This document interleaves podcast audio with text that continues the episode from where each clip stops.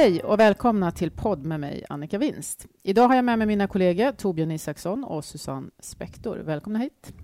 Tack. Så mycket. Och vi har precis släppt en ny konjunkturrapport och den tänkte vi prata om idag. Och titeln på den är Orostider och det gäller både globalt och för svensk ekonomi.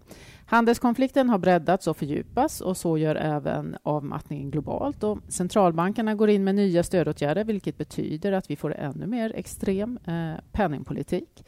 Vi ska inte prata om det globala idag, utan jag tänkte att vi skulle fokusera oss på Sverige. Och då har rubriken från i våras gått från kylslaget och nu är rubriken frost. Hur illa är det med tanke på det jag beskrev om det globala och med tanke på rubriken frost? Tobbe? Så dramatisk eh, är en bild är ju inte av konjunkturen som vi presenterar. Eh, men visst, det är ju så att försvagningen av BNP-tillväxten eh, i, i vår prognos, den är så pass stor att resursutnyttjandet eh, faller och blir lägre än normalt. Och eh, vi konjunkturnördar vi beskriver ju ett läge där resursutnyttjandet är lägre än normalt som en lågkonjunktur. Så det är definitivt Till skillnad från när man pratar om teknisk lågkonjunktur som är två kvartal med negativ tillväxttakt. Ja, det är en lite mer populärvetenskaplig eh, definition av recession som man ofta också för all del använder i USA. Och i media eh, flaggar ofta för, eller journalister vill gärna lyfta det som recession. Men precis, men eh, svenska think tanks vi definierar lite mer som med, med, fokus på resursutnyttjandet. Och det, vill säga, det, är bättre. det är bättre. Man får en bättre uppfattning om man tänker resursutnyttjandet, om vi ska hjälpa lyssnarna. Precis. Ja, lågkonjunktur, det kan ju låta ganska drastiskt. Eh, men är lågkonjunktur så illa? Ja, det är rätt många som har svårt att ta det ordet i munnen när de gör sina prognoser. Lågkonjunktur. Jag, jag har inte sett ännu att det är någon av som har använt det om svensk Nej, ekonomi. inte än så länge. Men det kommer troligen att bli fler, tyvärr. Men egentligen är det inte så dramatiskt för att eh, man kan ju säga att vi ska ju ha lågkonjunktur lika ofta som det är högkonjunktur. Det är ett sätt att beskriva det här med konjunkturförloppen. Och dessutom är det inte så särskilt djup lågkonjunktur som vi har i vår prognos heller. Nej, men vi använder ordet lågkonjunktur i alla fall. Ja, absolut. Mm. Och varför hamnar vi i lågkonjunktur då? Ja, eh, många bedömare, många prognoser som vi sett på senaste tiden pekar ju väldigt mycket på omvärlden och, eh, och, och lyfter fram handelskriget till skäl till att, att liksom tillväxten har mattats. Men vi betonar lite mer att det är faktiskt eh, den här inbromsningen som vi sett i svensk ekonomi, det är till mångt och mycket en, en, en hemkokad soppa faktiskt, som handlar om, om eh, bostadsmarknaden, bland annat. Eh, vi har haft ett väldigt upptrissat läge på, på framförallt bostadsmarknaden som har vänts till ett sänke för tillväxten. Till exempel bara bostadsinvesteringarna växte snabbt för ett antal år sedan. Och det, bara det lyfte då BNP-tillväxten med sig, grovt uttryckt, en halv procentenhet. Och nu har det här vänts till dess motsats och sänker BNP-tillväxten med en halv procentenhet. Och dessutom är det så att hushållen gillar inte fallande bostadspriser. Då brukar man hålla lite hårdare i plånboken och sparandet brukar öka och det är precis vad som har hänt också. Mm. Och Det betyder ju då att den inhemska efterfrågan har stagnerat och legat stabilt under en längre tid. Ja, precis. Ända sedan eh, inledningen av 2018. Det är faktiskt om man tittar inhemsk efterfrågan, alltså om man lägger ihop investeringar, privatkonsumtion och offentlig konsumtion, har inte ökat särskilt mycket sedan andra halvåret 2017 ens. Så det är en, är en rejäl stagnation vi har sett i den inhemska ekonomin. Men det är inte riktigt den bilden som andra prognosmakare beskriver. Magdalena Andersson, finansministern, stod på Harpsund och pratade om en ganska god, hon pratade om avmattning, men ändå en okej okay konjunktur. Och jag har hört riksbanksledamöter som pratar om en god tillväxt. Ja, och det handlar ju om att, att det är ju, den här avmattningen sker från ett väldigt, väldigt starkt läge och till, eh, till och med första halvåret i år så har det inte gjort har det börjat göra avtryck på konjunkturen, men vi befarar ju att det kommer synas ännu mer tydligt här framöver. Det vill säga, de är för optimistiska, både finansministern och Riksbanken? Som... Ja, vi tycker nog det att de beskriver läget för optimistiskt. Så man måste ju titta framåt också. Det är inte så att konjunkturen och läget, liksom utvecklingen stannar av här, utan vi, och det vi ser nu liksom framöver här är ju en rätt trög om än inte alls någon nattsvart liksom, utveckling, men ändå en, en, en svag utveckling. Mm. Och någon draghjälp från omvärlden kan man inte riktigt förvänta sig heller med tanke på den beskrivning som jag hade i början. Med Nej, inte om man tittar framöver i alla fall. Man kan ju börja titta bakåt. Då har ju faktiskt exporten det senaste året varit hygglig. Och särskilt exporten av tjänster har gått bra. Eh, till exempel under första halvåret i år så ökade BNP med ungefär 1,5 procent jämfört med första halvåret 2018. Och så mycket som 1,2 procentenheter av den ökningen förklaras av exporten av tjänster. Däremot om vi tittar framåt. Det gör de flesta. Så eh, är egentligen alla indikatorer pekar på en stagnation av den totala exporten framöver. Så att jag tolkar det som att vi har en stabil utveckling av BNP då under andra halvåret? Ja, alltså stabil utveckling den med att, att uh, vi från kvartal till kvartal så har vi ingen tillväxt i BNP, varken tredje eller fjärde kvartalet. Ja. Och det finns en risk att BNP faller något av de här kvartalen också. Mm. Eh, ja, det är lite annan bild än vad vi har hört innan och det betyder att förmodligen både eh, Finansdepartementet och Riksbanken behöver revidera ner om, om vi har rätt. Men om vi tänker ett år framåt till då, alltså inte bara det här 2019 utan vi tar 2020 också. Hur ser det ut då? Vi tycker faktiskt att det finns eh, skäl att tro på en stabilisering och en liten förbättring. Och Det handlar mycket om räntorna. Eh, för, I omvärlden då att, att eh, räntorna har fallit kraftigt i år och det innebär med ganska lång fördröjning så brukar det hjälpa upp konjunkturen. Så vi tror på en lite bättre exportefterfrågan. Någon, det är svårt att tajma det här exakt, men någon gång liksom under, under nästa år. Och även för svensk del så börjar det sjunka in hos hushåll och företag att räntorna kommer bestå på en låg nivå under överskådlig framtid. Eh, och det ger stöd till inte minst bostadsmarknaden då, så att den kan stabiliseras. Och vi tror också att hushållens konsumtion, från att i stort sett ha stått still då ett, ett och ett halvt år, att faktiskt börja växa igen under loppet av, av eh, 2020, lite snabbare. Det är ingen köpfest på något sätt, men ändå att det ser lite bättre ut än, än den här mycket tröga utvecklingen vi haft det senaste året. Mm. Men vi skrev eh, redan och pratade redan i början av 2018 eh, om att vi skulle ha en avmattning och eh, dörren för att fortsätta räntehöjningar började stängas redan då. Sen, det betyder ju att då har det egentligen rullat in ungefär i linje med det och vi kan förvänta oss att det fortsätter sämre framöver också. Ja, i alla fall att det fortsätter vara svagt framöver, ja, mm. i, i närtid. Mm.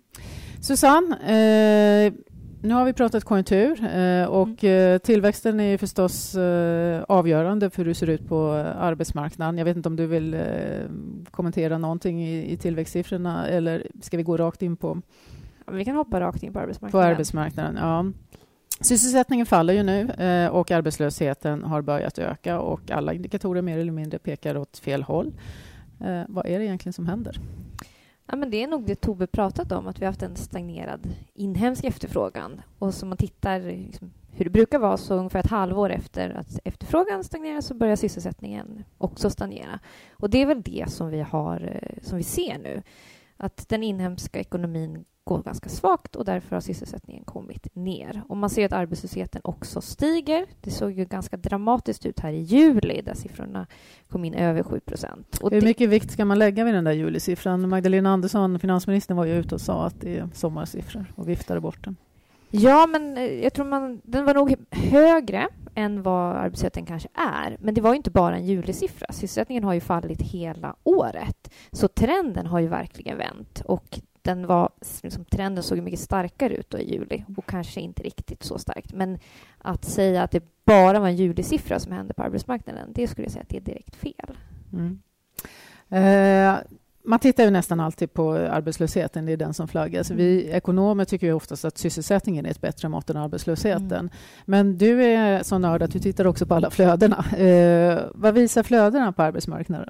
Ja, men exakt. Men flödena är ju lite snabbare på att visa det som händer på arbetsmarknaden. Att man kan tänka sig att först så blir det svårare för de arbetslösa Kan du ge exempel jobb. på flöde för de som inte riktigt vet vad vi pratar ja, om? Ja, precis. Men då tittar man på till exempel de som har jobb. Hur många av dem har jobb nästa, nästa kvartal och hur många av dem har gått till arbetslöshet? Och då så ser vi till exempel en ganska skarp ökning av de som går från jobb till arbetslöshet. Och det tyder ju då på att fler förlorar jobbet och inte kommer direkt till sysselsättning, till exempel.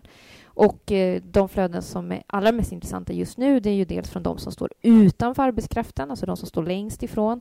De verkar få, ha det mycket svårare att komma in. Där är faktiskt eh, på de sämsta nivåerna sedan hösten 2009. Och nästan mm. lika mörkt ser det ut om man tittar på arbetslösheten. Och det, tyder, liksom, det är det första tecknet på att arbetsmarknaden försämras. Det är sen finanskrisen. Exakt. Exakt. Eh, och det säger att ja, det kan vara eh, någonting som... Det händer mer än vad vi ser i den här relativt kanske då lilla uppgången av arbetslöshet när man tittar på hela ekonomin. Finns det något flöde som pekar åt rätt håll då, eller är det verkligen nattsvart? Eh, nej, det finns inget flöde som pekar åt rätt håll. Det betyder att det finns en Eh. risk att du har varit för optimistisk i din prognos då? Ja, men jag har ju sett alla flöden när jag har lagt min prognos. Men det finns, jag, jag tycker nog att det finns mer nedåt risk på arbetsmarknaden än uppåt risk, även om vi är mer pessimistiska än alla andra. Och då har vi en arbetslöshet som slutar över 7 procent. Vilket är klart högre än Finansen som, och Riksbanken som ligger Ja, runt... som ligger runt 6,4-6,5 för Mm. Eh, Det, pratar- även nästa Ja, år ligger Riksbanken. Det är någonstans mellan en halv och en procentenhet i skillnad på Exakt. arbetslöshet. Det är mycket. Exakt. Men skulle julisiffran vara mer sann än vad man tror, då är skulle arbetslösheten redan vara 7 procent. Så, Mm, då, ligger då är du vi, för, för då ligger vi eh, lite optimistiskt. Mm.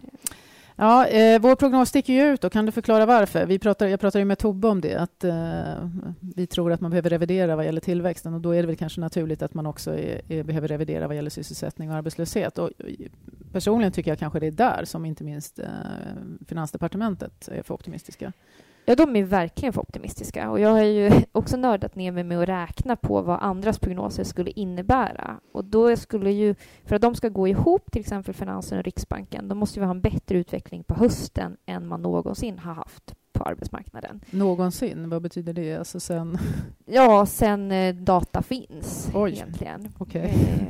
I då kvartalstakter. Eh, så jag tror att man har inte riktigt tagit in de siffrorna som har kommit in och räknat på det ordentligt. Utan tittar man bara då, om man inte gräver ner sig, utan man tittar bara på liksom, de aggregerade måtten så, så, så kanske man inte har sett den här försvagningen ordentligt. Nej. Ja.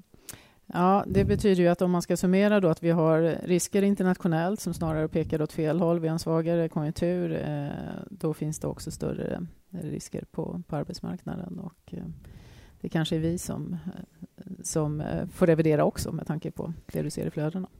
Ja, precis. precis. Så, kan det, så kan det bli. Det finns ju några ljusglimtar som eh, en del håller fast vid. eh, Till exempel att långtidsarbetslösheten inte har ökat ännu. Men det är ju samtidigt någonting som oftast kommer lite senare, eh, att den stickar upp. Så, att, eh, så, så mycket ljust finns inte att titta på just nu. Nej, eh, sorry, ni som lyssnar. Så här är det. Nu har vi ägnat tio år att prata om att det blir bättre. Nu är det åtminstone några kvartal, kanske något år, Mm. som vi kommer prata om att det blir sämre tider. Och det är bara att förbereda sig. Och det är bättre att vara förberedd än att inte vara det. Men om vi då går från arbetsmarknaden till lönerna så har vi också en väldigt stor eh, avtalsrunda. Eh, och den har ju redan börjat eh, Mm. lite grann. Och det är ju 2020 som eh, avtal eh, för många svenska löntagare ska sättas. Och vi har industrin som brukar sätta märke för resten av avtalsrörelsen. Och vi har Tyskland som ofta brukar vara någon form av märke för svensk industri och Tyskland går dåligt. De flesta Mm. pratar om recession, det gör vi också och det finns ju en risk att arbetsmarknaden påverkas än mer där och redan nu ser vi väldigt låga löneökningar i Tyskland. Vad säger du om det? Ja, men det blir ett väldigt intressant att följa under hösten. Jag tror att om man tittar framåt i vår prognos, i december när fackföreningarna ska presentera sina krav på löneökningar inför då vårens avtalsrunda, då ser ju vi en ganska, ganska dystert läge i december då arbetslösheten har stigit. Och tittar man på industrin, som Tobbe sa, så är det en stagnation som man ser under hösten. Alla indikatorer där ser också relativt ja, mörka ut. Så det är svårt att se att facken Eh, på något sätt kan kräva högre löner än man har krävt tidigare. Man kommer säkert liksom, ha krav som ligger över dagens nivå, men de ska ju sättas i relation till vad man har krävt tidigare. Och då var 2,8 kraven 2017. Och man kan tänka sig att de landar ungefär där och att man sen då landar i förhandlingarna på ungefär de nivåer som vi redan som vi har haft de senaste tre åren. Och det är 2 procent. Så det blir tre avtal med 2% och sen löneglidningen, den brukar inte bli så stor när man går in i en avmattning. Nej, verkligen inte. Och den har ju varit låg under eh, högkonjunktur. Eh, då har den varit på ett par procent, en par tiondelars. Eh, och det är väl rimligt att tro att den kommer vara ungefär på samma nivå. Om, I vår prognos så har vi 2,5 procent i löneökningar totalt. Det blir en halv procent löneglidning. Och det är ju i linje med de senaste sex åren. Men det finns ju en liten nedåtrisk på den prognosen också. Att eh, om det blir tuffare tider så kan löneglidningen bli ändå lägre Mm. under de kommande åren. Nu är det väldigt svart där, men det finns ju andra branscher som går bättre. Kan man tänka sig att det är någon som släpper industrin och, i den här miljön och väljer att gå sin egen väg? Man kan tänka sig att löneglidningen blir högre i vissa andra branscher där det går lite bättre. Men eh, jag skulle... Det verk, alla signaler tyder på att eh, märket kommer hålla och att eh, eh man kommer följa eh, de avtal som sätts inom industrin även den här gången. Det kommer en del röster som talar för att man ska ha en ny modell eller annorlunda, men det är ingenting som tyder på att det är aktuellt nu. Och Det är också ett argument för varför man skulle ha tre år, för det blir treåriga avtal trots att det är ett osäkert läge och det är för att industrin vill värna sin märkesledande roll och genom treåriga avtal så blir det lättare att göra det. Och också stabilitet. Exakt. Men finns det något som talar för ettåriga avtal? Då? Ja, men det är ju att det kommer vara ett ganska tufft eh, läge där i december och särskilt om man har sett stigande arbetslöshet så kan ju parterna, båda sidor, vilja avvakta och se. Kommer det som vi tror stabiliseras under 2020 eller är det en större eh, lågkonjunktur på gång eller kommer det vända uppåt? Och om man känner sig väldigt osäker på vad konjunkturen är på väg, då kan det bli ett ettårigt avtal för att invänta mer information. Mm. Tobbe, om man tänker på de här olika delarna i ekonomin, industrin och tjänstesektorn och så vidare, som, om man ska gå ner mer lite i detaljer och tänka löne, arbetsmarknad och avtal. Eh, vad är din bedömning? Hur stark kommer tjänstesektorn vara? Kommer det finnas något intresse av att ta något ja, eget spår? Det är lite, möjligen lite förvånande, men det har ju skett en utplaning även där, både sysselsättningsmässigt eh, och produktionsmässigt, även tjänstesektorn. Så jag tror att eh, den här avmattningen känns ju då även där och det är ju och det är inte bara tjänster till industrin? Utan nej, det, det verkar vara bredare än så. Mm. Mm. Och det är i linje med den här bilden vi beskriver av en mer eh, lugnare inhemsk eh, efterfrågan. Mm. Ja, eh, Susanne, innan jag eh, släpper dig här så tänkte jag bara säga att det finns ekonomer som talar om att avtalsrundan eh, bör ta hänsyn till den svaga kronan och hjälpa eh, Riksbanken genom att då komma överens om högre avtal så att man, man får upp inflationen. Men det låter lite märkligt i mina öron i alla fall att tänka att industrin ska hjälpa Riksbanken. Det är väl snarare så att Riksbanken ska skapa en stabilitet eh, så att industrin har bästa möjliga eh, förutsättningar att vara konkurrenskraftiga. Verkligen, och där har ju Riksbanken också varit tydliga med att de ser att det är deras roll att stabilisera ekonomin. Och det är också väldigt svårt i det här läget som vi ser att se att industrin skulle vilja sätta högre löner än vad de egentligen kan bära för att dessutom få en starkare krona i en global omvärld som en global miljö som är ganska tuff. Så att om man någon gång skulle vilja göra någonting för att hjälpa Riksbanken så är det ju en på väg in eller på väg upp i en högkonjunktur när läget är gott.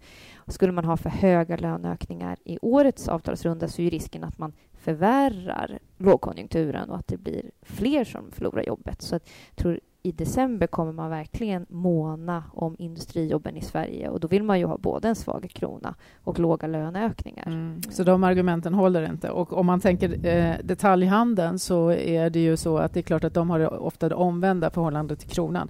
Men å andra sidan är de väldigt lönetunga, det vill säga det är mycket personal. Exakt, och exakt. att tro att de vill ha löneökningar i en avmattning där hushållen är försiktiga känns också Ja, osannolikt. verkligen. Verkligen osannolikt. Och det, skulle, det finns ju inget som säger heller att om löner, lönerna skulle bli några tiondelar högre, att kronan direkt skulle stärkas eh, för att kompensera för det för detaljhandeln, utan kronan styrs ju av så mycket annat. Så det vore ju verkligen ett eh, högriskspel att försöka höja lönerna för en starkare krona i en mm. lågkonjunktur. Tobbe, vad är din kommentar till det? Kan, kan svenska avtalsrunda påverka?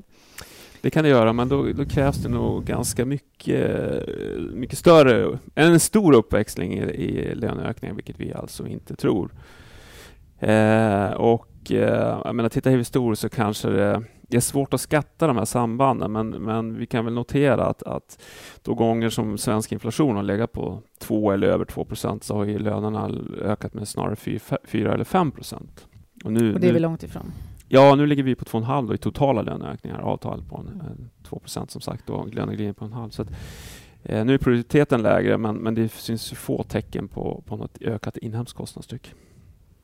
Nej, och det är snarare så när jag träffar våra kunder och våra kontor att jag får signalerna att man märker avmattningen och det är snarare så att man har kostnadsfokus i eh, det här läget. Och inte minst i, eh, som du brukar prata om Susanne, regionala Verkligen. rapporter där man, man ser i industritunga Mm. regioner att de redan är försiktiga.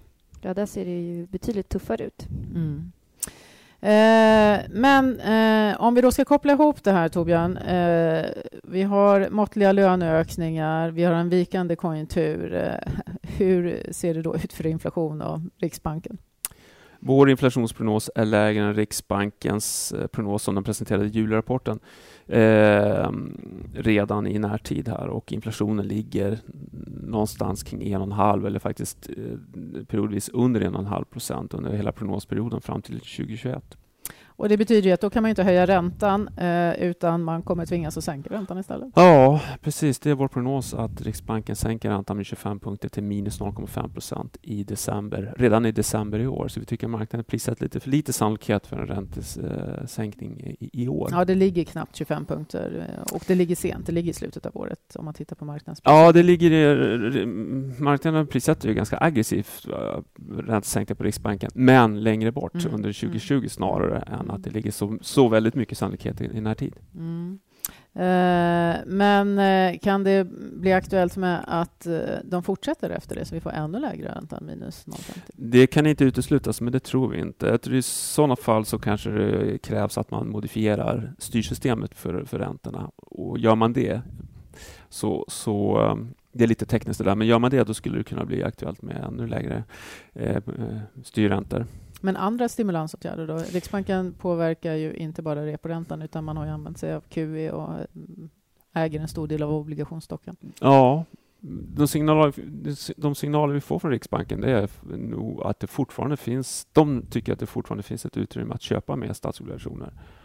Kanske någonstans mellan 50 och 100 miljarder mer statsobligationer. Sen kan man ju börja snegla på andra obligationer till exempel som är relaterade, relaterade till kommunsektorn. Då. Det, det är inte vår prognos, va? Men, men det skulle ju kunna hända. Mm. Bör Riksbanken sänka räntan i den här miljön? Nej, det tycker vi inte. Susanne? Vi? Han svarar på alla. Susanne? Ja, nej, men det är väl det är svårt att se att det verkligen kommer att ha stor effekt, tycker jag. Och riskerna är stora.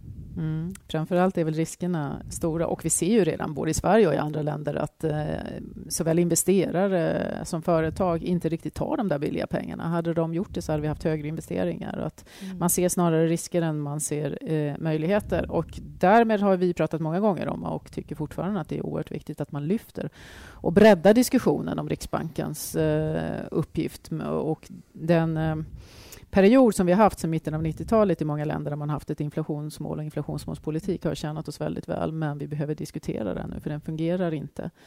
Eller det är inte alldeles säkert att det är den bästa modellen framöver. Och, och hittills så har man ju bara gjort mer av samma, det vill säga eh, fortsatt att sänka räntorna fastän vi, jag delar er syn. Jag tror inte heller att det här är den rätta medicinen. Men det känns kanske inte riktigt som den diskussionen ligger runt hörnet. Nej, vi har ju, man kan väl höra några röster som höjs eh, internationellt om att man kanske bör bredda det penningpolitiska perspektivet. Men ser man hur centralbankerna faktiskt agerar så är det ju det gamla vanliga att eh, finns det frågetecken om inflationen så då, är man, eh, då är, ligger det nära till hands att stimulera. Mm. Fed har ju sänkt räntan, men de har andra sidan möjligheter att sänka för de har höjt lite grann. Men ECB är ju på och vill stimulera mer och så, så fort det blir lite jobbigt uh, så är man där.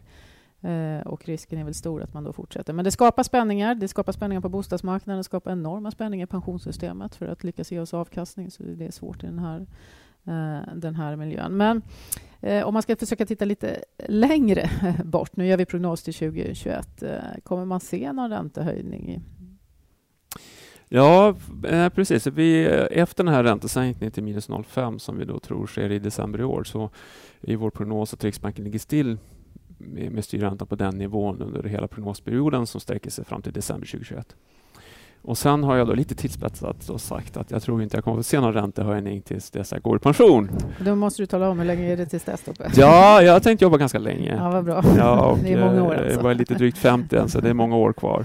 Och det är klart det är väldigt tillspetsat att säga så, men det blir lite det är lite i aversion som jag säger det också, för att jag tycker, som en kritik mot det, att det är ett systemfel som liksom befinner oss i. Det här är väldigt komplext och, och eh, mångfacetterat, den här penningpolitiken och så vidare. Men, och kritiken till mot penningpolitiken. Men, men eh, det kanske vi får återkomma till en annan podd. Mm. I en mm. annan podd. Ja, absolut.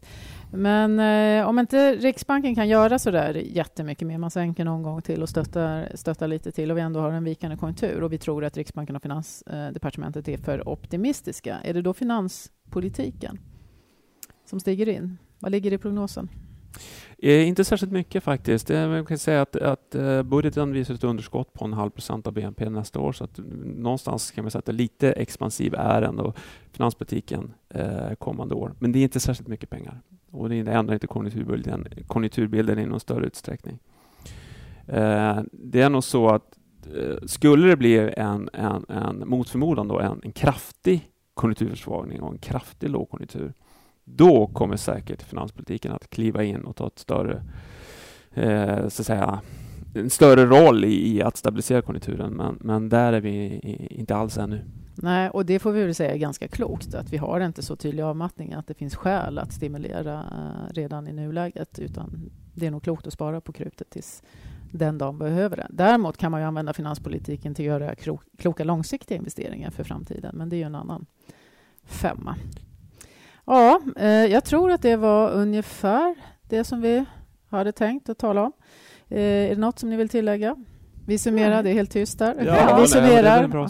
Eh, vi går från kylslaget till frost i konjunkturen. Vi har en lågkonjunktur i Sverige. Arbetsmarknaden kommer att försämras mer. Eh, regering och Riksbank är för optimistiska och det betyder att Riksbanken får krypa till korset och sänka räntan redan innan året är slut.